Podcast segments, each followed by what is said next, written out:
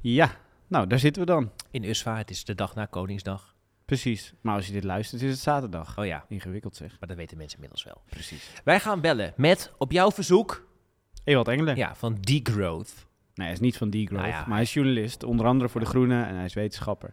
En hij eh, schreef een groot stuk over degrowth eh, en ik zat een podcast van De Groene te luisteren en daarin werd dan weer over onze vriend eh, Jesse Frederik eh, en, eh, en Rutger Bregman werd gesproken. En die hebben ook een podcast over degrowth opgenomen en die vinden het toch zo'n negatieve term. Nou, we gaan denk ik even met Ewald praten over of dat inderdaad zo is. Klinkt nu wel enorm als we in een soort van hele grachtengordel elitaire discussie terecht van komen zijn. Ja. Jesse Frederik, Ewart Engelen, Rutger Bregman. Nou, daar gaan we achter komen. Is, die- is, is degrowth uiteindelijk de oplossing? Ja, en dat is, het is niet groeien. Dus ontgro- ontgroeien, Sterker nog, ja, precies. Ja. krimpen. Krimpen. Wat we in Groningen heel goed kunnen. Zeker. Dus, Dus- eh, we gaan even met iemand anders praten. nou, hij woont trouwens niet in de Randstad, geloof ik. Maar Nee, om, eh, om, om, om, om, om te kijken nou, wat ze buiten Groningen van eh, krimp vinden. En we ga- gaan met twee andere mensen bellen. Jij eh, eh, zegt, we gaan weer over de toeslagen Ja, praten. deze week is er een, een, heeft de rechtbank in Overijssel twee gedupeerde ouders in het gelijk gesteld. Eh, hoe dat dan precies zit, daar moeten we zo meteen een beetje over praten met Mandy Richter. Zij toeslagenouder, maar zij was in ieder geval erg enthousiast over deze uitspraak van de rechter. En wat betekent dat dan nu weer voor het proces aan zich? Ja. Krijgen de mensen nog voor 2055 een keer fatsoenlijk hun geld terug? Of maakt dat niet zoveel uit? En Sander Bekkerman, vriendin van de show, kunnen we inmiddels zeggen. Eh, deze week natuurlijk eh, eh, kwam Rutte met vuilbrief naar Garmerwolde in We krijgen 22 miljoen. Miljard zelfs. Oh, miljard, sorry. Ja. Maar- sorry, even een paar nulletjes. het Ja. is niet genoeg. Nee, precies. En nou ja, dus een hoopvol programma, wel wellicht. We gaan het zien. De linkse mannen lossen het op. There's no way back. We zullen duurzamer moeten. De linkse mannen lossen het Het is op. de natste januari sinds 1948. De linkse mannen lossen het op. Eerst een beetje een rare ondergangsstemming. De linkse mannen lossen het op. Hey, we've got a problem here. 4 miljoen hè, kostte die Koningsdag dus. Ja. Ehm, heb jij gisteren nog iets leuks gedaan eigenlijk? Of eergisteren dan? Ja, nou goed. Eergisteren, Ja. nee, ik heb, ik heb op Koningsdag eh, niet zoveel gedaan. Eh, ik heb eh, gekookt voor mensen Oh. in Wongema. En ik heb, ben een, een rondje gaan lopen door het park. En dat was, een beetje, was het een beetje... En naar een huiskamercafé in Westerwijdwerd. Nou, ben ik ook geweest. Vind, dus ik, ik heb- vind ik toch al nogal wat activiteiten die je ja, maar niet. Maar ik heb me niet in de, in de massa begeven. En, eh, want ik, daar, hou ik, daar hou ik, ik, niet heb tussen de massa gestaan Ja, als man van het volk. ja, eh, de vrijmarkt in de stad Groningen. Het was heel erg druk, ja. maar heel gezellig. En dat komt ook, hè, je zei inderdaad, het heeft miljoenen gekost. Er waren gisteren ook een, heel veel, eh, nou ja, ik weet niet, niet zozeer of de anti-monarchisten waren, die gewoon mensen in Rotterdam die aan het demonstreren waren tegen het Koningshuis of deze vorm van viering van het Koningshuis. Hè. 4 miljoen euro kost het. Dus een paar uur rondlopen in Rotterdam kost 4 miljoen Ja. euro. Armste gemeente, stad van Nederland. ja, en dan ook door een wijk lopen waar veel toeslagenouders wonen. Zeker. ehm, Kan je met 4 miljoen ook een hoop voor doen, denk ik. Zeker. En eh, dus dat is allemaal belachelijk. Maar in mijn hoofd, eh, ik zag gisteren de vrolijke beelden, ook gisteravond even, eh, de Hammers House Band trad weer op met I Will Survive. Ook een beetje kiets en zo, maar je Ja, zag daar toch- houdt Willem-Alexander van. Hè? Ik luisterde gisteren Radio 4 in de auto. En daar werd ge- gepraat over de, over, de, over de brede muzikale smaak van onze koning. En dan ging het weer over DJ vervreemd- Chesto. Jij vervreemdt wel een beetje van de maatschappij. Radio 4, Rutger Bregman. Nee, ik heb, ik heb er nog niks gezegd over dat ik enthousiast ben over die podcast. Oké. Ik heb die podcast ook niet Geluisterd. geluisterd. Ik luisterde Oké. een podcast waarin ze Over het hadden die over podcast. die podcast. Dat is ook wel heel erg. Ook wel heel erg... podcast ja. over podcast. Ja, Ja, ja, ja.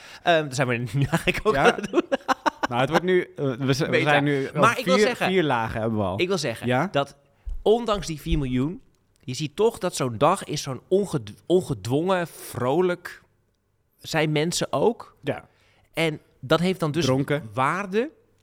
Het Ja. werkt misschien ook louterend en toch verbindend. Om te kotsen ook om dit te zeggen. Dus het zou toch goed zijn, hè, zoekend naar een oplossing. Wat moeten we nou mee? Kunnen we niet de manier verzinnen dat we dit wel houden? Ja. Hè, de, de- toch de waarde van zo'n gezicht en zo'n familie, wat blijkbaar voor sommige mensen veel betekent, maar dat het gewoon minder geld kost. Dat moet toch te doen zijn. Ik snap dat je moet beveiligen en in dit geval hè, Amalia die daar dan gisteren weer rondliep, terwijl zij, nou volgens mij behoorlijk bedreigd wordt Ja.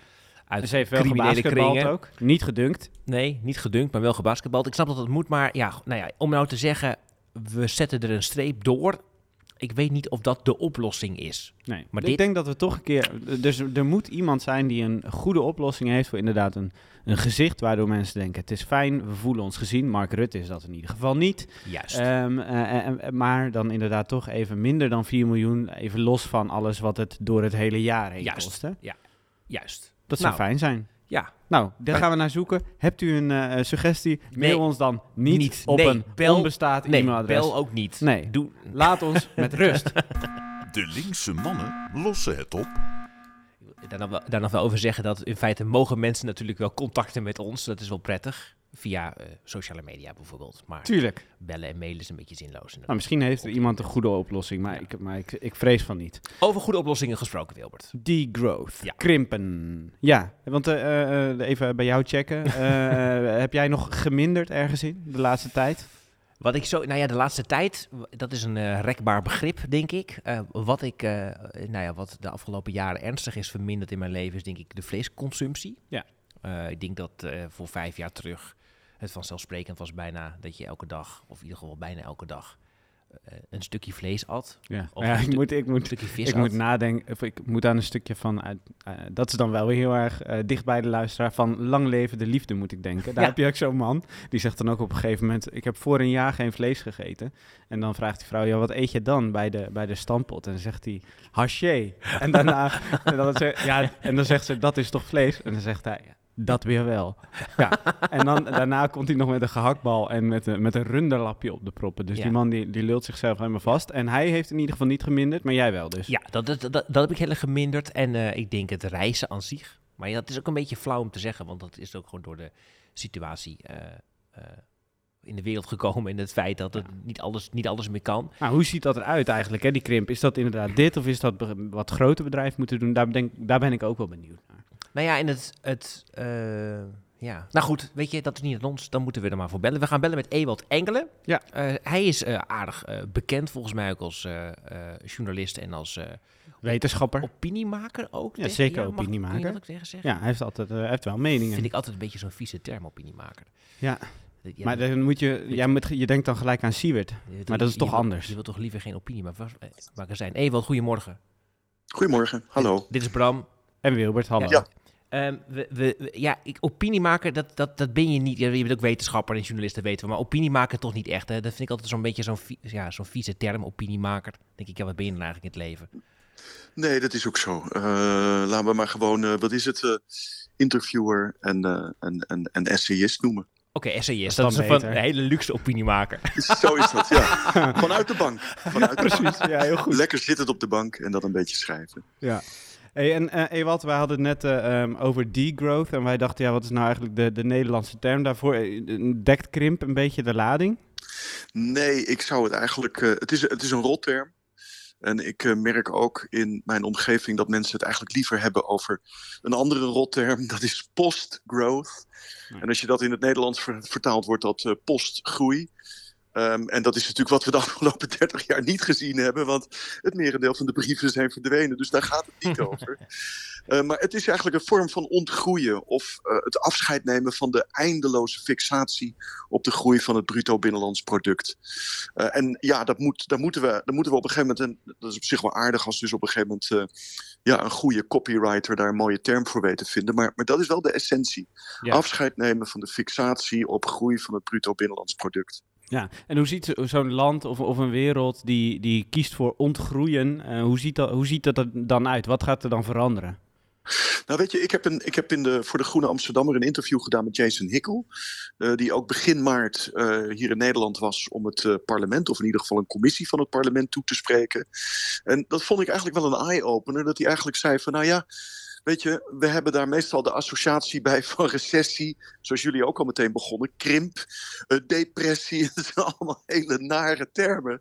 Maar waar het eigenlijk om gaat is het leren inzien dat heel veel van wat we doen, eh, beleid, eh, aandacht in de pers, maar ook in de politiek, eigenlijk gaat om kapitaalaccumulatie. Het gaat om winst per aandeel op kwartaalbasis. Mhm. En dat is de afgelopen 30, 40 jaar ook in onze economie zo ongelooflijk dominant geworden. dat we eigenlijk eh, allerlei markten met regels hebben we helemaal gekalibreerd. Dus het ware op elkaar afgestemd om ervoor te zorgen dat de aandeelhouder een zo hoog mogelijk rendement op kwartaalbasis krijgt. En daar zit precies het probleem. Dus daar moeten we afscheid van nemen. En dat betekent onder andere bijvoorbeeld op het niveau van het bedrijf dat ook allerlei andere belanghebbenden een veel grotere zeggenschap moeten gaan krijgen over wat er gedaan moet worden.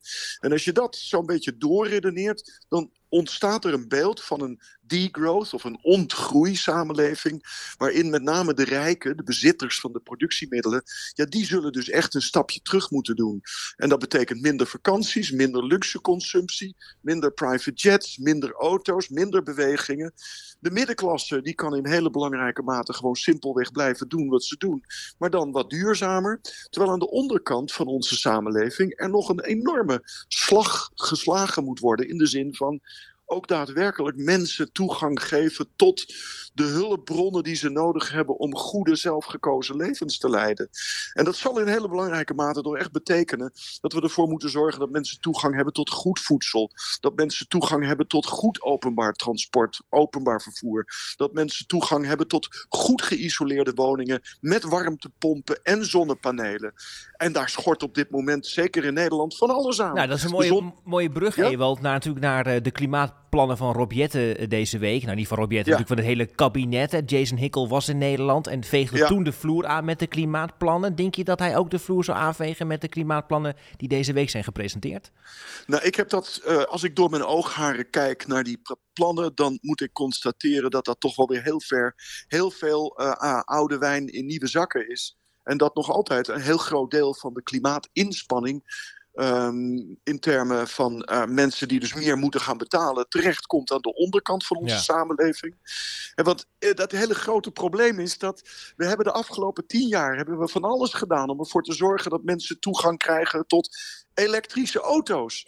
Nou, die elektrische auto's die zijn potdomme allemaal aan de bovenkant van onze samenleving terechtgekomen. Nou, als je dat als uitgangspunt neemt en je gaat vervolgens de accijnsen op benzine en diesel verhogen, ja, dan ja. weet je dat dat terechtkomt bij de mensen in de regio's waar het op openbaar vervoer niet bestaat of de afgelopen jaren is afgebroken, geen toegang hebben gehad tot elektrische auto's en dus nu gestraft gaan worden voor het feit dat het kabinet te weinig gedaan heeft om hen ervoor te, in, in staat te stellen om toegang te krijgen tot die elektrische auto's. Dus het is weer zo, en dat is een klote term, geef ik gif toe, het is weer volkomen regressief klimaatbeleid. Leuk voor de mensen die al eerder een elektrische auto gekocht hebben. En heel vervelend voor de mensen die, waarvan het salaris en het vermogen ontoereikend is. om dat eer- eerder al gekocht te hebben. Ja, Punt. Ja, nee, ja, nee. Dankjewel. Ehm ja. nee, ja, het, het, het, volg- het, het gekke is ook wel dat je, eh, als je klachten hoort, bijvoorbeeld in Groningen, waar we zitten, waar we deze podcast opnemen, is het is heel leuk inderdaad dat je, dat je eh, eh, mensen stimuleert om een elektrische auto te kopen. Eh, en dat je daardoor inderdaad de benzineprijs omhoog doet. Maar er, zijn, er is geen fatsoenlijk openbaar vervoer buslijn meer over in de provincie Groningen. Wat, Ja. wat, moeten die, wat, moet, wat moet je als je in Garmerwolde woont in Groningen? Ja. Je, dan, je kan niet mijn, anders... mijn, voorspe- mijn voorspelling is ook dat je dus gewoon... je gaat weer gele hesjes krijgen. En dan niet in Frankrijk, maar in Nederland. Het is echt exact Ja. dezelfde casus belli, weet je wel. Je gaat de, de energieprijzen verhogen voor de mensen die geen alternatief hebben... en aangewezen zijn op hun tweede of derdehands dieselautootje. En, en, en vervolgens ga je weer allerlei subsidies uitdelen aan, aan de welgestelden. Maar ze zijn er wel heel, heel trots op, Ewald. Hè? Want dat is het gekke, hè? Want ehm, ehm, er wordt dus om die klimaatplannen nu mogelijk te maken... Het is goed dat we meteen ook het een urgent en politiek en actueel maken... dit, dit onderwerp voor deze week. Hè? Om die plannen mogelijk te maken, die, die miljarden die naar naartoe gaan... wordt er ook weer bezuinigd, zeg maar, op andere gebieden in, eh, eh, en hier nu in Nederland. Dus ze zijn er ontzettend trots op. En ze zien het zelf nu, het kabinet, als de grote stap voorwaarts... Ja. om ervoor te zorgen dat die opwarming van het klimaat tegengaat. Maar jij zegt, Ewald, eigenlijk is dat dus een... eh, ja, dat is meer een eh, meer schijn dan dat het echt gaat gebeuren Een op beetje deze symptoombestrijding. Ja, nee, dat, dat ten eerste. Ik bedoel, je kan dus de vraag stellen in welke mate dit ook daadwerkelijk effectief is. Als het gaat om het terugdringen van emissies. En, daar, en daar, was, daar was Jason Hickel dus echt uitgesproken over. Dit gaat allemaal niet snel genoeg. Dit eh, zet weinig zoden aan de dijk. Dus laten we dat maar meteen even parkeren. Maar het andere punt, en dat is het punt wat we net benadrukten. Het is herverdeling van arm naar rijk. En, en dat is echt desastreus. Wil je mensen meenemen? Wil je mensen meenemen? Wil je kiezers meenemen op dat hele ingewikkelde pad naar een andere samenleving waarin niet alles meer ten dienste staat van het maximaliseren van winst per aandeel op kwartaalbasis en waarin inderdaad het materiële beslag simpelweg de hoeveelheid grondstoffen die nodig is om in onze consumptie en productie te kunnen voorzien, dat die gereduceerd wordt, dan zal je het dus precies andersom moeten doen. Dan zal Ja. het van rijk naar arm moeten gaan. Ja. En dat doen we niet. En dat doen we al 15 jaar niet. En we hebben 15 maart een verkiezingsuitslag gekregen waarvan ik verwacht had dat alles wat eh, academisch gecertificeerd is en in Den Haag rondloopt, dat die zich de pleuris geschrokken zouden zijn. Maar we zijn, wat is het, anderhalve maand verder en we zien beleid uitrollen uit diezelfde worstenfabriek die Den Haag heet, waar ze dus eh, een wetgeving maken die exact hetzelfde doet. Dus dan denk ik, jongens, hebben jullie dan helemaal niks geleerd? Nee. Heb je niets gezien? Nou, daar, lijkt het, daar lijkt het wel op. En, en, maar, En maar hoe dan... kan het dan dat die bubbel dus inderdaad zo, zo waterdicht is? Stik niet in je koffie, Ewald. Stik niet in je koffie. Nou, ik moet heel eerlijk bekennen dat het mijn eigen speeksel is. Wel veel erger. Nee, maar hoe kan het dan dat die bubbel zo water- of speekseldicht is?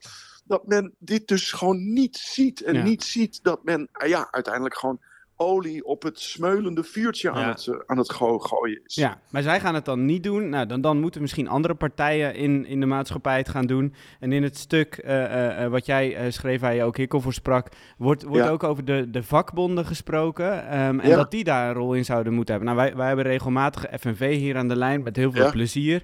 Ehm, eh, eh, maar misschien dat we de volgende keer hen ook wat nieuws te brengen hebben. Wat, wat is wat de vakbonden hierin moeten doen en waarom doen ze dat op dit moment nog niet? Nou ja, de, de vakbonden zijn natuurlijk de afgelopen 30, 40 jaar eigenlijk onderdeel van het probleem geworden. Ze zijn enorm verhaagst, ze zijn verinstitutionaliseerd. Ze vinden hun bijdrage aan de Sociaal-Economische Raad vinden ze veel belangrijker dan feitelijke belangenbehartiging van werknemers op de bedrijfsvloer. En ik merk bij de FNV dat die de afgelopen tien jaar zijn gaan beseffen dat dat het geval is. Dus die zijn meer naar buiten aan het komen. Maar wat mij betreft zou daar nog wel een tandje bovenop kunnen. Eh, en dat betekent dus inderdaad van joh. Ga luisteren naar je werknemers. Ga luisteren naar hun klachten, niet alleen als werknemer, maar ook als burger. Ze hebben te maken met een overheid die niet luistert. Met een overheid die sterk technocratisch is. Die zich opgesloten heeft in, ja, wat is het, hele technische dossiers. En de kloof tussen wat mensen daadwerkelijk ervaren en meemaken is levens, levensgroot. Vroeger zaten partijen in de wijken en in de dorpen en wisten ze wat er leefde onder hun eh, kiezers. Maar dat is volkomen verdwenen. De enige manier waarop ze nog contact hebben met hun kiezers is via de kranten, de journalisten. Maar journalisten zijn onderdeel van hetzelfde probleem. Allemaal D66-stemmers of GroenLinks-stemmers, allemaal academisch geschoold, hebben geen flauw benul wat mensen meemaken in de wijken, in de dorpen en op de bedrijfsvloeren. Nou, daar wacht volgens mij een fantastische taak voor de vakbeweging. En die vakbeweging die zal dus ook moeten zeggen van jongens, wij gaan ervoor zorgen dat we nu eens gaan beginnen met het uitrollen van zonnepanelen bij sociale huurwoningen. Dat is de onderkant van de samenleving. Wij gaan politieke druk uh, uitoefenen om ervoor te zorgen dat er goede, uit de schatkist betaalde kinderopvang gaat komen voor iedereen. Nou, dat soort dingen, dat zijn een wonderschone taak voor de vakbeweging. Uh, en, en, en wat dat betreft is het ook, ik ben het wat dat betreft met, met, met Hikkel eens. Ja, dat is voor een deel onze laatste levenslijn, zou ik zeggen. Ja, want, want ik zou denken, het zijn... het niet doen. Nee, wat ik zou denken, misschien, misschien zijn er nog andere groepen. Maar inderdaad, wanneer je het zo betoogt, dan kan ik me voorstellen dat, dat, het dat de vakbeweging... Groot, ja. Het is ook gewoon groot. Dus ze hebben een enorm ledenbestand en ze kunnen die mensen mobiliseren. Ik heb begrepen dat ze ook vrij veel wat is het, spaargeld hebben, wat ze Ja. kunnen gebruiken om te mobiliseren. En, en je, je ziet het nu dus een beetje gebeuren, zeker sinds het einde van COVID. Er wordt veel meer gestaakt, maar er zou dus echt gewoon gestaakt moeten worden. Een algemene staking, om vervolgens af te dwingen wat eigenlijk 15 jaar geleden al Ja, had gemoed. Maar dat is wel, ja, dat is een, een algemene staking. in alle ja. sociale huurwoningen. Nee, maar niet alleen Albert. Heijn. Nu, zit- nu, eh, Albert Ja. Heijn wordt nu weer gestaakt, hè, grootschalig deze week. De maar hele maatschappij moet gaan staken. En dat, er moet gewoon algemeen gestaakt worden. Hey, tot slot, Ewald, hè, want Ja. eh, die Jason Hickel is dan geweest. Die heeft het uitgelegd aan een commissie inderdaad in de, eh, van Kamerleden. En die zullen allemaal eh, geïnteresseerd hebben geluisterd. Hebben gedacht, hier moeten we iets Zeker. mee. Ehm, iedereen begrijpt wel dat hier toch wel een kern van een oplossing zit. Kijk ook naar de grote winst van BBB, wat ook deels Precies. natuurlijk hierover gaat. Maar hoe Ja. krijgen we nou bestuurders en beleidsmakers mee in dit verhaal? Nou, het, kijk, als we het aan hen overlaten, dan krijgen we zachte aanpassingen op dezelfde riedel die al 40 jaar eh, uitgekraamd wordt. En dat is met een beetje beprijzen van uitstoot, met wat meer marktwerking gaan we uiteindelijk alles oplossen. Dat is eigenlijk de, de, de, de vergroeningsboodschap van dit moment. En, en, en, wij zullen van buitenaf, hè, dat weer algemene staking, toenemende burgerprotesten, stemmen op partijen waarvan de centrumpartijen eigenlijk vinden dat ze onsmakelijk zijn. Want dat is eigenlijk de terminologie die losgelaten wordt op Forum voor Democratie en BBB. Het is eigenlijk, als je hoog opgeleid bent of academisch geschoold, ja, dat is niet bon ton om dat te doen. De, het electoraat moet dat wel doen om duidelijk te maken van jongens, dit, dit kan zo niet. We hebben echt andere vormen van interventies nodig om, eh, ja, wat is het, een toekomst in te gaan die leuk is voor iedereen. Ja. In plaats van voor alleen de aandeelhouders en de welgestelden. Ja, en komen we op het punt ook uit, zeg maar, maar die, die weg hoeven we niet op te gaan. Misschien nu, hè, dat ook, eh, als we kijken naar hoe jij je de afgelopen jaar natuurlijk in deze, dit debat hebt opgesteld over dit soort thema's, dat ook vaak wordt gezegd, als je dit dan zegt, als je dan uitkomt bij bijvoorbeeld te zeggen, je moet het electoraat van Vorm voor Democratie serieus nemen, wordt er vaak Ja. gezegd, ja, dan ben je eigenlijk af. Als je het Ja, want dan, wordt, dan, word je, dan, word je, en dan komt de teerkwast uit, de- uit, de- uit, de- uit, de- uit, de- uit de verfpot. En dan word je zwart geschilderd als, eh, als fascist. En, en dit is, het, ik, ik vind dat eh, ik vind het verbijsterend dat dat altijd Ja, gebeurt. maar het, gaat, maar het gaat dus niet om serieus. Kijk, want dat vind ik ook belangrijk om te zeggen. Want eh, dat wordt eigenlijk een heel nieuw, een nieuw gesprek dan. Hè. Maar kijk, het is natuurlijk, je kan volgens mij en zeggen dat Forum een partij is die er ontwrichtende ideeën op, nahouden op de samenleving. En zeker. daardoor eigenlijk Ja, en die ik zelf geminimaliseerd en ook gedecimeerd. onsmakelijk vind. Juist, maar de kiezers op die partij, Juist. die moet je serieus dat is een nemen. verschil inderdaad, ja. En dat is echt absoluut cruciaal. Dat vind ik ook van BBB. Ik, bedoel, ik ben heel kritisch op BBB. En ik zie het dus inderdaad gewoon als een door agrofood eh, gefinancierd politiek voertuig. Om in feite op allerlei manieren zand te strooien in de langzaam lopende machines van, van, van duurzaamheidstransitie van de overheid. En dat gaat ook gewoon gebeuren. Maar de kiezers van BBB, die moet je serieus nemen. Ja. Want die hebben echt recht van spreken. We hebben te maken met, eh, ja, wat mij betreft, toch 40 jaar elitefalen keer op keer op keer op keer. De rekening wordt steeds opnieuw neergelegd bij eh, een, groeiende groep kwetsbaren en armen. En dat moet echt afgelopen zijn. Mooi, dankjewel Ewald. Volgens mij eh, zijn we een, een heel eind door deze oplossing heen en we bellen je vast snel weer een keer. Leuk, veel succes. Dankjewel. Yes, Ewald, fijne hoi. dag. De Hoi. linkse Hey, fijne mannen lossen het op. Een toekomst die leuk is voor iedereen. Nou, Ja. Dat klinkt wel goed. Ik denk, dat? eh, nou, ik denk, niet, ik denk dat leuk misschien Kan nog wat dat? positief is. Misschien dat het in ieder, in ieder geval leefbaar moet zijn voor het grootste deel van de samenleving. Laten we daar eerst maar eens voor gaan. Maar een interessant gesprek, toch? Iemand die wel een leuke toekomst eh, verdient, Ja. is Manny Richter. Toeslagenouder. Ja. Eh, laten we hopen dat ze eindelijk een keer fatsoenlijk eh, gecompenseerd wordt voor Wie haar... weet eh, dat ze haar geld weer heeft. ja, Laten we daarop hopen. Goedemorgen. Goedemorgen Mandy. Wilbert en Bram hier. Hey. Ehm, hoe gaat het, Mandy? ja, hoe gaat het? We ademen nog door, laat ik het zo zeggen. Ja, Gisteren was Koningsdag in Rotterdam. Ja, geweldig. Geweldig, ja. En daar, eh, enthousiasme. en daar liep de- onze koning ook door een wijk met, waar, waar, veel. Ja. waar veel toeslagen ouders woonden. Hoe heb je daarnaar gekeken? Eh, nou ja, ik heb sowieso eh, zelf al niks met het Koningshuis, laat ik het gewoon eerlijk zeggen. Ehm, en ik heb het ook gewoon vermeden, want ik heb zo van eh 4 miljoen euro had beter besteed kunnen worden in een stad waar ja, de meeste gedupeerden, laat ik het zo zeggen, wonen. Dus het is eigenlijk eh, vol afschuw eh, wordt dit gezien. Ja, goed. Oké. Eh, Eh, waarvan akte. Ehm, eh, deze week echter was het best goed nieuws, denk ik. Hè. De, eh, de, de, de, de rechtbank in Overijssel heeft, eh, de staat, heeft geoordeeld dat de staat onrechtmatig heeft gehandeld tegen twee gedupeerde toeslagenouders. Ja. Ik heb het dat een beetje gelezen, maar het is dan ook wel weer vrij complex over waar het nou precies over gaat. Kun jij dat misschien iets beter uitleggen? Wat speelde hier nou? Ehm, ja, ik weet niet indirect iets over hun zaak zelf. Nee, dat snap ik. Maar ik weet ook dat eh, de dag daarna, zeg maar zeggen, een eveneens dezelfde eh, uitspraak is geweest. Dat het onjuist eh, handelen vanuit de staat is geweest. Eh, dat eigenlijk de gedupeerde ouders die de staat hebben aangeklaagd in hun gelijke zijn gesteld. Dat ze onjuist eh, behandeld zijn eh, in al die jaren dat zij gedupeerder zijn. Ja, dat was wel duidelijk natuurlijk, maar het is fijn dat het ja. nu ook een keer door een rechtbank op dat niveau wordt gezegd. Wat, werd tijd. ja, dat werd tijd. Heeft, heeft dat, wat zijn de gevolgen daarvan, denk je?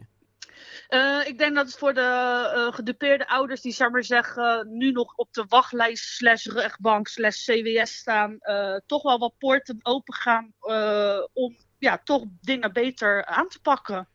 Maar betekent dat nu voor deze ouders bijvoorbeeld ook, hè? want het ging over eh, een, een, een vrij grote periode. En mij komt het er eigenlijk op neer, om het even uit te leggen, heel, heel snel, is dat je dat over heel veel jaren eh, zouden ze dan eigenlijk hebben, moet, hebben ze dan geld moeten betalen aan de staat. Maar Klopt. eigenlijk blijkt dat dan niet zo te zijn. En krijgen ze dat geld nu weer terug. Dus zij worden nu dan gecompenseerd daarvoor, dan krijgen dan hun geld weer terug. Werkt dat ook zo? Krijgen ze dan daadwerkelijk ook, wordt het dan echt teruggestort op hun rekening? Dus krijgen zij nu de voorrang eh, en dat waar jullie allemaal zo heel erg op hopen?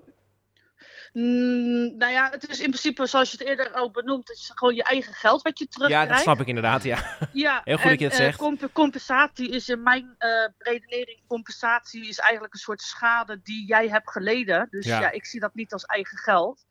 Maar ik weet dat de procedure eh, na deze uitspraak nog wel maanden kan duren Ja, eer zij het geld op rekening hebben. Ja, Ja, want dat is in, in, in, in dezelfde soort verhaal natuurlijk. In Groningen is het ook zo dat mensen eindeloos voor immateriële eh, schade Ja. tot, tot en met de hoogste rechtsbank, rechtbanken door moeten. Eh, en dan krijgen ze, weet ik veel, 3000 of 5000 euro toegewezen. Ja, en dat zal Ja. inderdaad eh, de overheid eh, kennende, tenminste misschien ben ik dan wel heel erg argwanend, maar dat zal dan nog wel weer maanden duren, denk ik, voordat dat op een rekening staat. Oh, dat weet ik wel zeker. Het, het- het duurt heel erg lang. Eh, Kijk, eh, dit soort dingen gebeuren dan. Dus er gebeuren heel veel. Er komt best wel wat beweging in. In de zin van dat er, eh, als er dit soort zaken zijn, dat dan de gedupeerde ouders vaak in het gelijk worden gesteld. Dat gebeurde eind Mhm. Ja. vorig jaar geloof ik ook nog. Maakt dat, hè, maakt dat nu, hè, Wilbert vroeg het ook al indirect zo'n beetje. Maakt dat nu wat uit voor jullie verhaal in het geheel? Betekent dat ook dat er meer deuren open gaan nu weer bij de staat? Eh, eh, en dat er misschien toch weer wat versnelling in het proces komt? Eh, ja, ons gevoel zegt dat inderdaad deuren zijn opengegaan. Ik zou zeggen eerder een poort die open is gegaan. Dat Kijk. er toch twee zittingen tegen de staat gewonnen zijn. Want Ja. ja, de kans is natuurlijk heel klein dat je zoiets wint. Ehm, dit geeft ons wel meer eh, vrijheid, zou maar zeggen, om dit gevecht uiteindelijk toch wel te moeten winnen. Ja, en jij zei van, eh, toen we de vorige keer met je spraken, dat, je, dat jullie na gingen, dingen over dag, na gingen denken over dagvaarden van de staat. Hoe staat, Ja. hoe staat het daarmee? Eh, nou ja, ik ben inderdaad wel bezig met een aantal gedupeerde ouders om toch naar een advocaat te stappen. En om ook inderdaad, net als wat die ouders hebben gedaan, eh, ja, de staat aan te klagen. Ja, maar dat, in dit geval betekent het volgens mij zelfs dat je dan zou zeggen van elke dag dat de staat niet over de brug komt, moeten ze dan een boete gaan betalen. Eigenlijk wel, ja. Ja, en dat klinkt heel logisch, want dat doet de staat Ja. namelijk bijvoorbeeld wel. Andersom ook. Die doet dat bij boeren vanaf 1 oktober, die hun gewas te laat van Ja. het land halen. Nou, dan mag Klopt. het, mag het richting hen ook wel, denk ik. Ja, Klopt, mee en- eens. ja en, en, hoe- en, en, en, want je hebt dat toen uitgelegd, maar misschien hebben mensen dat niet gehoord. Hoe zou dat dan in principe werken? Houdt het dan in dat elke, elke dag dat de staat jullie, eh, jullie zaken niet regelt, dat ze jullie 100 euro over moeten maken? Wat, in wat, over wat voor orde van grootte hebben we het dan? Eh, ja, dan moet ik dat precies goed uitleggen.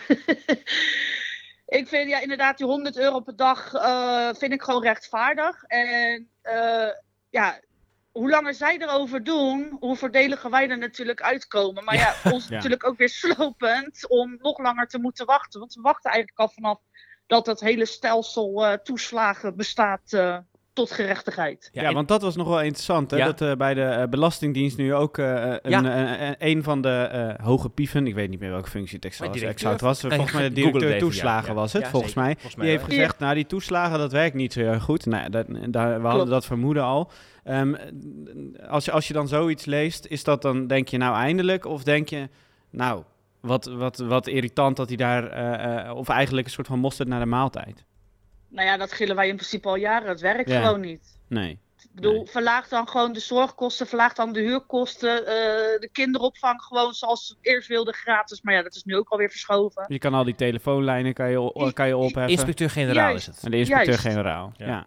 Nou, Ja. Dus, dat- dus dat is eigenlijk wel goed nieuws dat dat daar dan wordt gezien dat iemand van dat niveau zegt dat dat werkt niet. Het is wachten totdat, eh dat totdat is de iemand bij, de, bij, het UW bij het UWV dat zegt. Maar dat is de En oplossing. Ja. Maar dat is de oplossing natuurlijk voor zeg maar eh, eh, nieuwe Mandy's in de toekomst. Zeker. Maar deze, Ja. deze, is het dan voor jou, Mandy, en voor jullie dan tot de oplossing dat je toch voorna- voornamelijk maar heel erg veel tegen de staat begint te procederen? Is dat dan, helpt dat dan de zaak vooruit, denk je?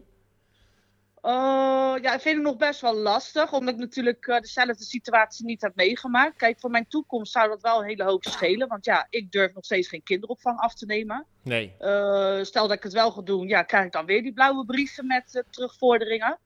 Dus in de toekomst zou het misschien ja, heel positief zijn, maar ja, al die jaren dat wij mis zijn gelopen, dat, is, ja, dat, dat haal je nooit Nee. meer in. Maar voor dat verhaal, is, dan, dat, is daarvoor dan de oplossing dat je net zoals die andere ouders afgelopen week gewoon een Mm. zaak tegen de staat begint? Is dat dan maar gewoon eh, het ultieme middel om je gelijk nu te gaan halen? Ja, ja, want dan hoef ik geen twaalf jaar te wachten, zoals Nee. het er nu voor staat. Ja, dus je komt er gewoon niet uit, hè? Want er zijn nu gesprekken, allerlei commissies, er zijn weet Ja. ik veel wat voor. En je komt er gewoon met elkaar niet uit, want zij, de staat maakt geen tempo. Eigenlijk zit je nog steeds sowieso tot na 2030 weer te wachten op je geld. Behalve Klopt. Als je een zaak aanspant eh, en de rechtbank laat oordelen. Dan krijg je Juist. misschien eerder je geld. Juist, Jezus Juist. Christus, dat is toch ongelooflijk dat de rechtbank maar weer Ja. tussen beiden moet komen. ja. En, de, en dan Ja. de burger het gelijk moet gaan stellen. Ja. Goed. Ja. Ga, maar is zit dat eraan te komen, Mandy? Denk je dat je dat gaat doen? Ik ga dat sowieso, ik heb mijn advocaat al aan het werk gezet. Oké, Nou, mooi. dan wij, gaan we st- dat wij volgen. steunen je Wij van steunen harte. jou, Mandy. Ja. Succes. Hartstikke fijn, super fijn. Hoi, hoi. Hoi hoi. De linkse mannen lossen het op.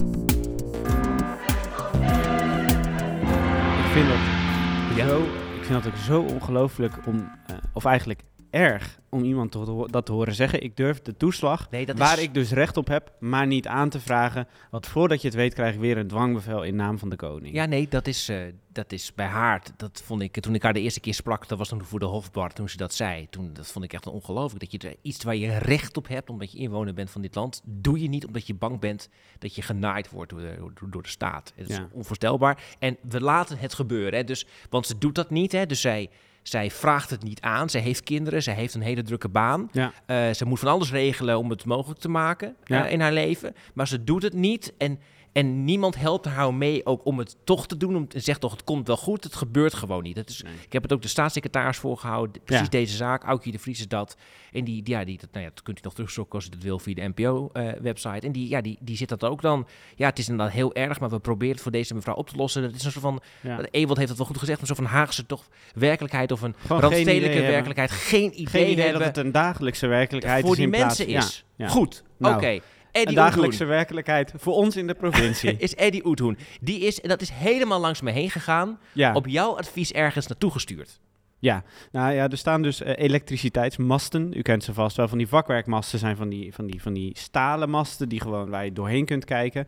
Nou, nu heeft de eh, Tennet eh, heeft, een nieuwe masten aangelegd. Dat had onder de grond gekund. Tenminste, geen mast dan, maar de kabels. Maar dat was een beetje te veel werk, dus, en te duur ook. En nu staan er masten boven de grond. Nou, en daar is iets mee aan de hand. Ja, ik sta hier bij vier verlaten in een weiland waar Tenet zojuist de laatste zogeheten hypermoderne Windtech-mast heeft neergezet van een kilometerslange netwerkverbinding tot aan Eemshaven. Tot groot verdriet eh, van de omliggende bewoners, want het zijn ja, enorme witte pilonnen die het zicht op het Groningenland behoorlijk ontnemen. Eh, Maar naast mij staat Johan Tillens van Tenet. Ja, en uitgerekend deze week maakt u bekend te stoppen met het gebruik van deze Windtech-mast.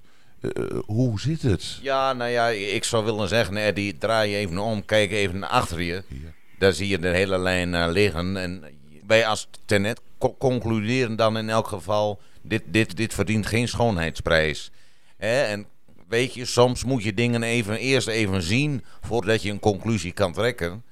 En nou ja, dit is niet één die bij ons op de website komt, laat ik het zo zeggen. Dus Ja. Hè? Dus nee, we hebben gezegd, eh, dit, dit, dit doen we niet weer met elkaar. Nee, alleen kunt u hier niks meer aan doen, eh, neem ik aan. Eh, Nee, dit blijft nu zeker 30 jaar blijft dit zo staan. Ja. Dus wat dat betreft, ja, de bewoners hier, die zijn kind van de rekening, zullen we maar zeggen. Maar we- ja, god, we zullen wel al in die periode zal dit netwerk ons er in ieder geval aan blijven herinneren. Dus dit nooit weer. Ja, nou ja, dat is dan weer positief, eh, zou ik willen zeggen. Ja, Ja. nou, gedane zaken nemen geen keer, maar we leren er wel weer van. Eh, Ik zou zeggen, tot zover. Eddy Oethoen, vier verlaten, Groningen. De linkse mannen lossen het op. Ja, dat is dan toch de houding die we wel kennen, hè? Van Eddy of van de Nee, niet van Eddy. Tenet? Nee, van, van, van Tenet en van dit soort organisaties. Ja, ik zie de, ik zie de foto. Ik, ik, ik ben daar wel langs gereden. Het, het, het, ik- het viel mij ook op. Ik denk dacht steeds, wat zijn ze hier nou aan het doen? Maar dat waren ze dus aan het doen, inderdaad. Ik, ja, god, ik vond, maar die oude waren toch ook eh, lelijk. Maar het gaat er dus meer om dat dat onder de grond gekund en ze hebben het boven de grond gedaan. Ja, en dit is nog wel echt ingrijpender in het landschap Ja, dat snap Dan- ik ook inderdaad. Ja. dan een ja, vakwerkmast. het is wel lelijk. Het is een soort van hele grote witte pilonnen. Ja, staan er ja, door soort hele van windmolens zonder molen erop. Ja. Goed. We zijn weer een in gewest. Zoals altijd. En Precies. dat is weer prachtig. We verbinden alles aan elkaar, mensen. Vandaag in deze podcast. Eh, want Tijd om te bellen met eh, Sandra Bekkerman, Ja, toch? want Sandra Eh, Bekkerman- gaswinning is ook verschrikkelijk. Tenminste, Ja. het is een Nou ja, verschrikkelijk dossier. Ehm, zeker. En, en net als de toeslagen, een soort van gebed zonder eind. Maar ook, deze, ook daarin dus deze week eh, toch een soort van verlichting. Hè? Er lijkt Want een doorbraak te Rutte komen. en Velbrief kwamen naar Groningen, Rutte boot, maar weer eens zijn excuses aan. Ja. Dan kunnen we ook een, een Daar moeten we het denk ik niet te lang over hebben wat we daarvan vinden. Ja. Daar vinden we helemaal niks van. Eh, en er komt de 22 miljard. Komt 22 er, miljard. 22 Hoe gaan we dat uitgeven? hè? 22 miljard naar Groningen. Ja. Dat moet toch ook voor Sandra gewoon eh, ja, fantastisch nieuws zijn. Die staat op tafel. Die staat op tafel te dansen. En daarom neemt ze nu niet op. ja, ik heb er net nog gezegd, we bellen je zo. Ja hoor.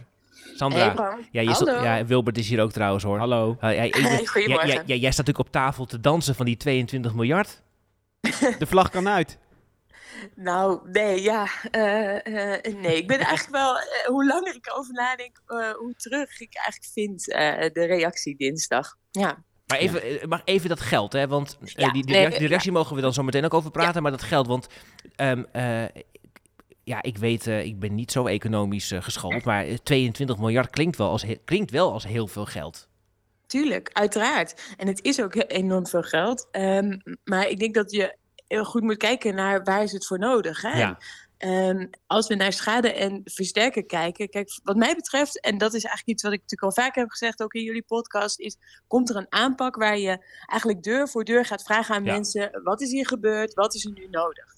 En ehm, dat moet kosten wat het kost gaan gebeuren. En dat zit niet in die nieuwe aanpak. Ehm, maar zelfs als je dat zou doen, hè, IMG maakt schattingen, die gaan alleen over de schade. Die zeggen ja, alleen dat wat wij extra willen doen, kost al 10 miljard. Eh, en dan heb je dus nog niet die aanpak ehm, ja, waar ik eigenlijk voor pleit.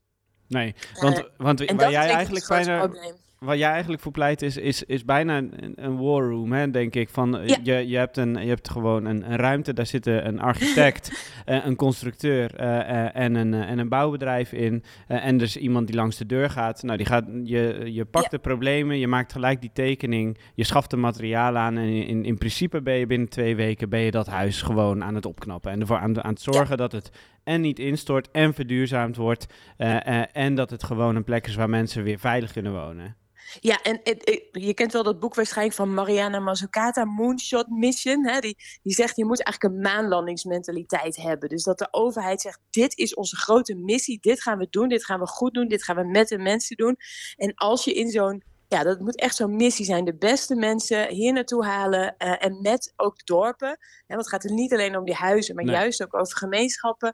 Ehm, ja, ik noem, zou het zelf geen war room noemen, maar weer meer zo'n maanlandingsmentaliteit. Ja. Eh, kom op, weet je, er is hier zoveel aangericht. En als je nu in de plannen kijkt, en dan zeggen ze eigenlijk, ehm, en ik vind de plannen zitten best veel go- eh, goede dingen in, maar het is vooral heel goed voor ehm, nieuwe eh, zaken en eh, wat minder zwaar gedupeerden. Ja. En als je echt naar die zwaarst gedupeerden kijkt, eh, ja, dan komen er weer een hele bureaucratie kijken. Want dan zeggen ze, nee, wacht even, als je fundering gescheurd is of als je grote schade hebt en eh mestkelders en MKB's, nee, wacht, dan gaan we toch weer die rapporten maken. Ja. Ja, dat staat zo haaks. Dat is precies wat de afgelopen jaren is misgegaan. Elke keer maar weer die wantrouwende overheid die zegt, nee, maar we gaan toch nog een rapport maken. Ja.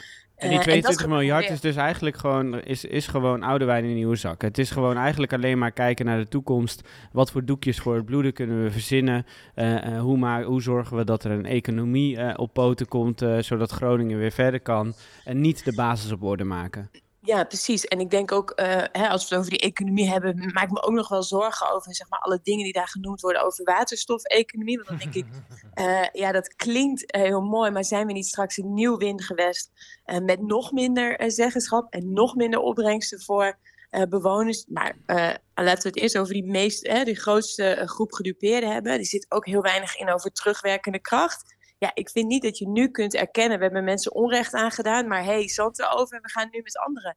Ja, doen. Dat- begun. ja. Toch het plan, het plan heette van, eh, van, van eh, naai begun Ja. stond erop. Ja, Ja. ik dacht, bepaal, ik dacht, bepaald, Oh, zo'n nieuw begin, Ja, bepalen ja. zij dat, denk ik dan. Dat bepalen wij toch eh, eh, Ja. als, als, als Groningers, wanneer we dat vinden. Maar nee, dat hadden zij dus al voor ons bepaald. Dit is een nieuw begin. Moet, Ja. Zo Ja, moeten we het ja, zien. maar dat vind ik- over en, ja.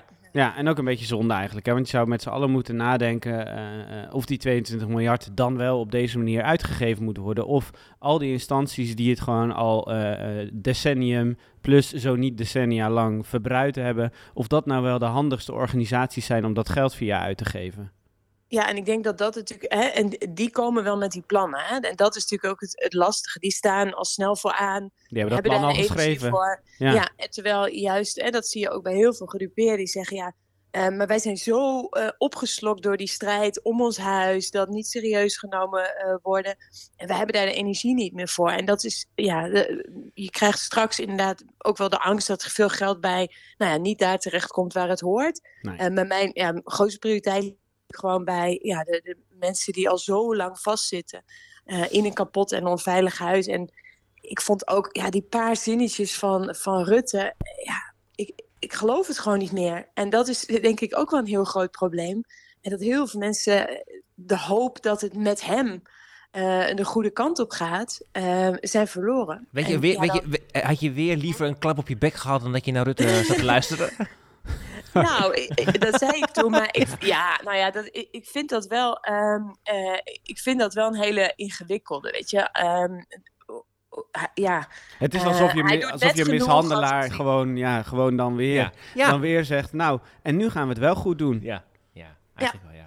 En dan denk je terug aan, en al die woorden die hij kiest, die koos hij ook in 2019, in 2017. Ehm, het is elke keer hetzelfde praatje, elke keer maar weer eh, zeggen, ja, nee, ja, inderdaad, was niet zo best. Och, nachtmerrie, och, vervelend. Ja, nee, ik kon mezelf één dag niet in de spiegel aankijken, zei hij.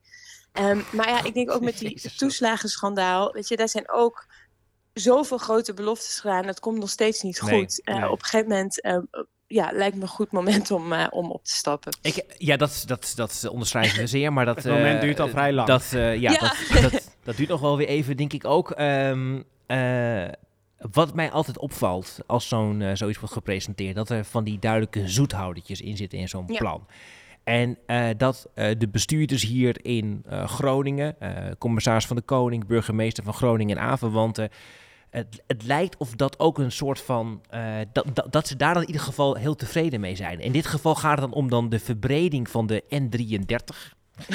Ik zat erop te wachten, en hoor. De, en de spoorlijn eh, van eh, die doorloopt met de trein naar Stadskanaal Stadskanaal kan. en Ja. Emmen en Enschede Ja. kan.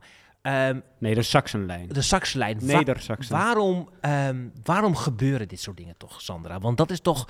Ik, ik, ik, ja, ik gun iedereen een verbreding van een weg. Maar ik denk, is dat nou wat we, wat we nu nodig hebben? Of een extra treinspoor? Het gaat toch om iets wezenlijk anders, Sandra?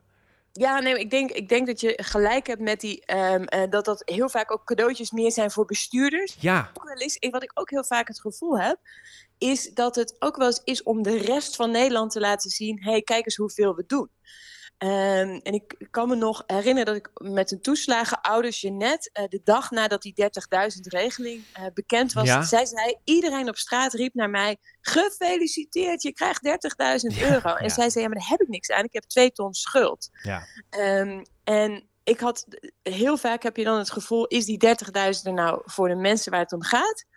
Of is het, hè, of zijn die bedragen en zijn die plannen er uh, om de rest van Nederland te zien, kijk, we doen ontzettend veel. En dat zet juist de solidariteit onder druk. Ja. Tegelijkertijd die spoorlijn, um, ja, dat is natuurlijk ook wel, Groningen is zo lang Zeker. achtergesteld. Absoluut. Uh, die moeten ook echt komen. Dus ik weet niet of ik dat plan precies zo zie, maar je merkt wel, uh, het zet de solidariteit wel sterk onder druk. Um, door zo'n heel groot, hè, door te doen alsof Groningen uh, heel veel krijgt. Maar, ten nee, koste Sandra, van nee, maar de die spoorlijn die moeten wel komen. Die, die moet er ook komen. Alleen, ik vind het zo treurig. Maar die moesten het- sowieso ja, al komen. Waarom is het onderdeel van dit cadeau? Alsof het is, nou, dan krijgen jullie nu de spoorlijn die jullie eigenlijk super nodig hebben. Nee, dat staat hier toch los van? Dat is mijn punt. Waarom nu? Het staat, ja, Ja. het staat er los van, maar je zou natuurlijk ook kunnen zeggen: hey, als ze een plan hadden gepresenteerd waar wij aan de ene kant zeg maar, die, die maanmissie eh, om eh zwaar gedupeerden op te lossen, en aan de andere kant echt een relevant pakket voor de hele provincie, waar ja. ook juist lokale voorzieningen in zitten, ehm, dan was dat denk ik nog sterker. En nu lijkt het wat losse projecten. Ja. eh, Waar die toch al moesten. In plaats van dat heel veel mensen zeggen: ja, hartstikke leuk, maar de, de bus verdwijnt ook. En, en Ja. eh, de school verdwijnt ook. En de leefbaarheid zijpelt eh, Ja. langzaam hier uit het dorp. Ja. Ehm, dus ik had me wel goed een combinatie kunnen voorstellen. Maar nu lijkt het gewoon een losse eh, serie van, van projecten die dan tot, optellen tot een groot bedrag. Waardoor het ja, heel veel lijkt, maar eigenlijk toch ja, heel schraal is. Ja, nou, dingen met visie, eh, dat, dat, dat hoeven we sowieso volgens mij niet vanuit Den Haag te verwachten. En een, een maanmissie al helemaal niet. Hey, en dan, dan misschien een allerlaatste vraag. eh, en, dan, eh, en- dan spreken we je vast binnenkort weer een keer. Maar een la- allerlaatste vraag zou zijn: van, moeten we het dan maar gewoon in Groningen op een betere manier gaan doen? Want in het, in het rapport staat natuurlijk ook dat die lokale bestuurders dat die het niet goed hebben gedaan. Nou, je ziet nu vanuit de BBB bijvoorbeeld en andere partijen dat ze zeggen: we moeten gewoon een gedeputeerde gaswinning hebben. Iemand die zich hier goed mee bezighoudt.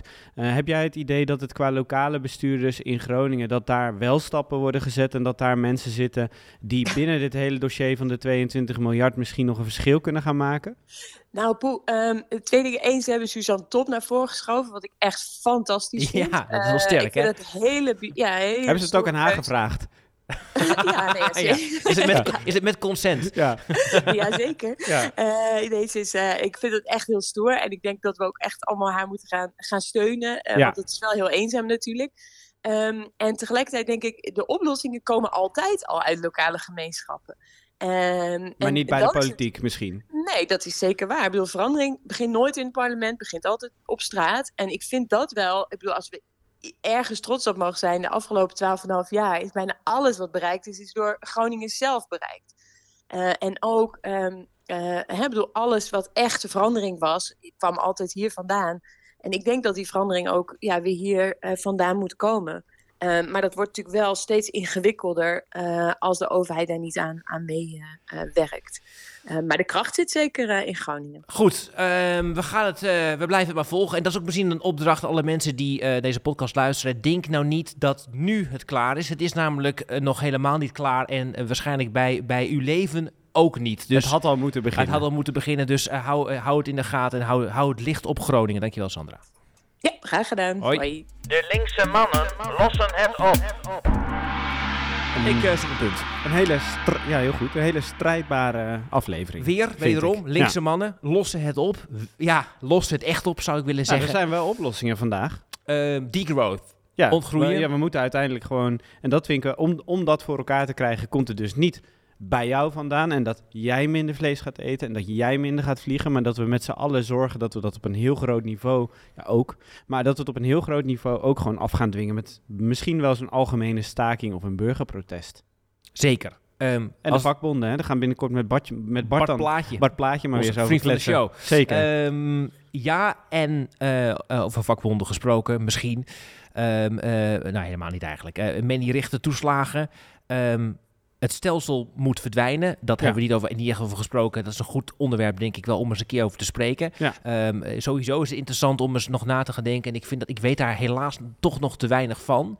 Eh, dus ik moet me ook eens gaan verdiepen. Misschien weet jij er meer van, maar hoe dan? Hè? Dus dan toch een soort van basisinkomenmodel. Iedereen krijgt, weet ik veel, 1350 euro op de rekening. Ja. Eh, dat, dat volstaat dan voor je zorgtoeslag, En je huurtoeslag. UWV en, en, en de hele toeslagen shit. en heb je verrekent die, die krijgen ook al een basisinkomen dan. Ja, die krijg, ja. zeker. Iedereen krijgt het dan. En je verrekent dan met je... Met, je kan blijven... Nou, ik weet niet, maar dat moet, is het wel interessant om over na te denken. Gaan we het over hebben. In ieder geval voor die ouders is dus de schrijnende oplossing geworden inmiddels... dat je vooral tegen de staat moet gaan procederen. Ja. En dat, dat je dan je gelijk krijgt. En waarschijnlijk je geld toch wel iets sneller krijgt... Dan, dan over 12 jaar. dan over 12 of 15 of 20 jaar. En die 22 miljard is niet dé oplossing, maar toch wel een oplossing. het heeft een beetje zin. Het heeft een beetje zin. Ja.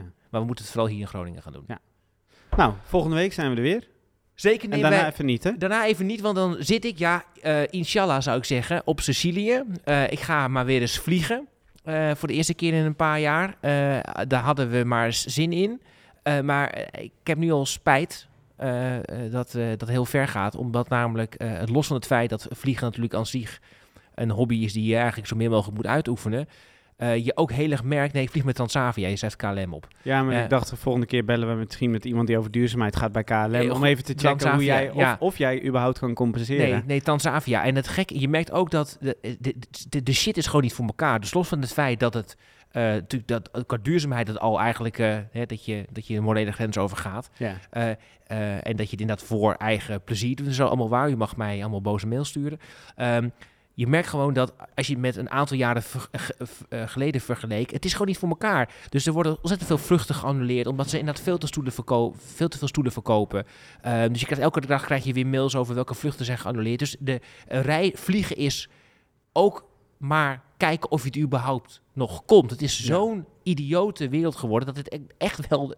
Het is duidelijk eens dat het niet meer kan. Heel lang ook niet meer. Het is er gewoon echt super relaxed en ik voel me er heel oncomfortabel bij. Maar ja, we gaan, we gaan alsnog en ik hoop dat ik er zit en dan wordt het denk ik hartstikke leuk. Ja. Maar daarom ben ik er niet de luisteraar. Nee, precies. Maar jij mag eentje, jij, jij kan er eentje. Misschien, maar misschien doe ik er eentje met één, iemand één op één. We zien wel. Ik heb nog geen idee. Volgende week zijn we er in ieder dan zijn we er gewoon met z'n tweeën. Ja, Weer, één met één. zeker. Goed. En eh, voor nu, houd moed. Moeten voorwaarts. De linkse mannen lossen het op.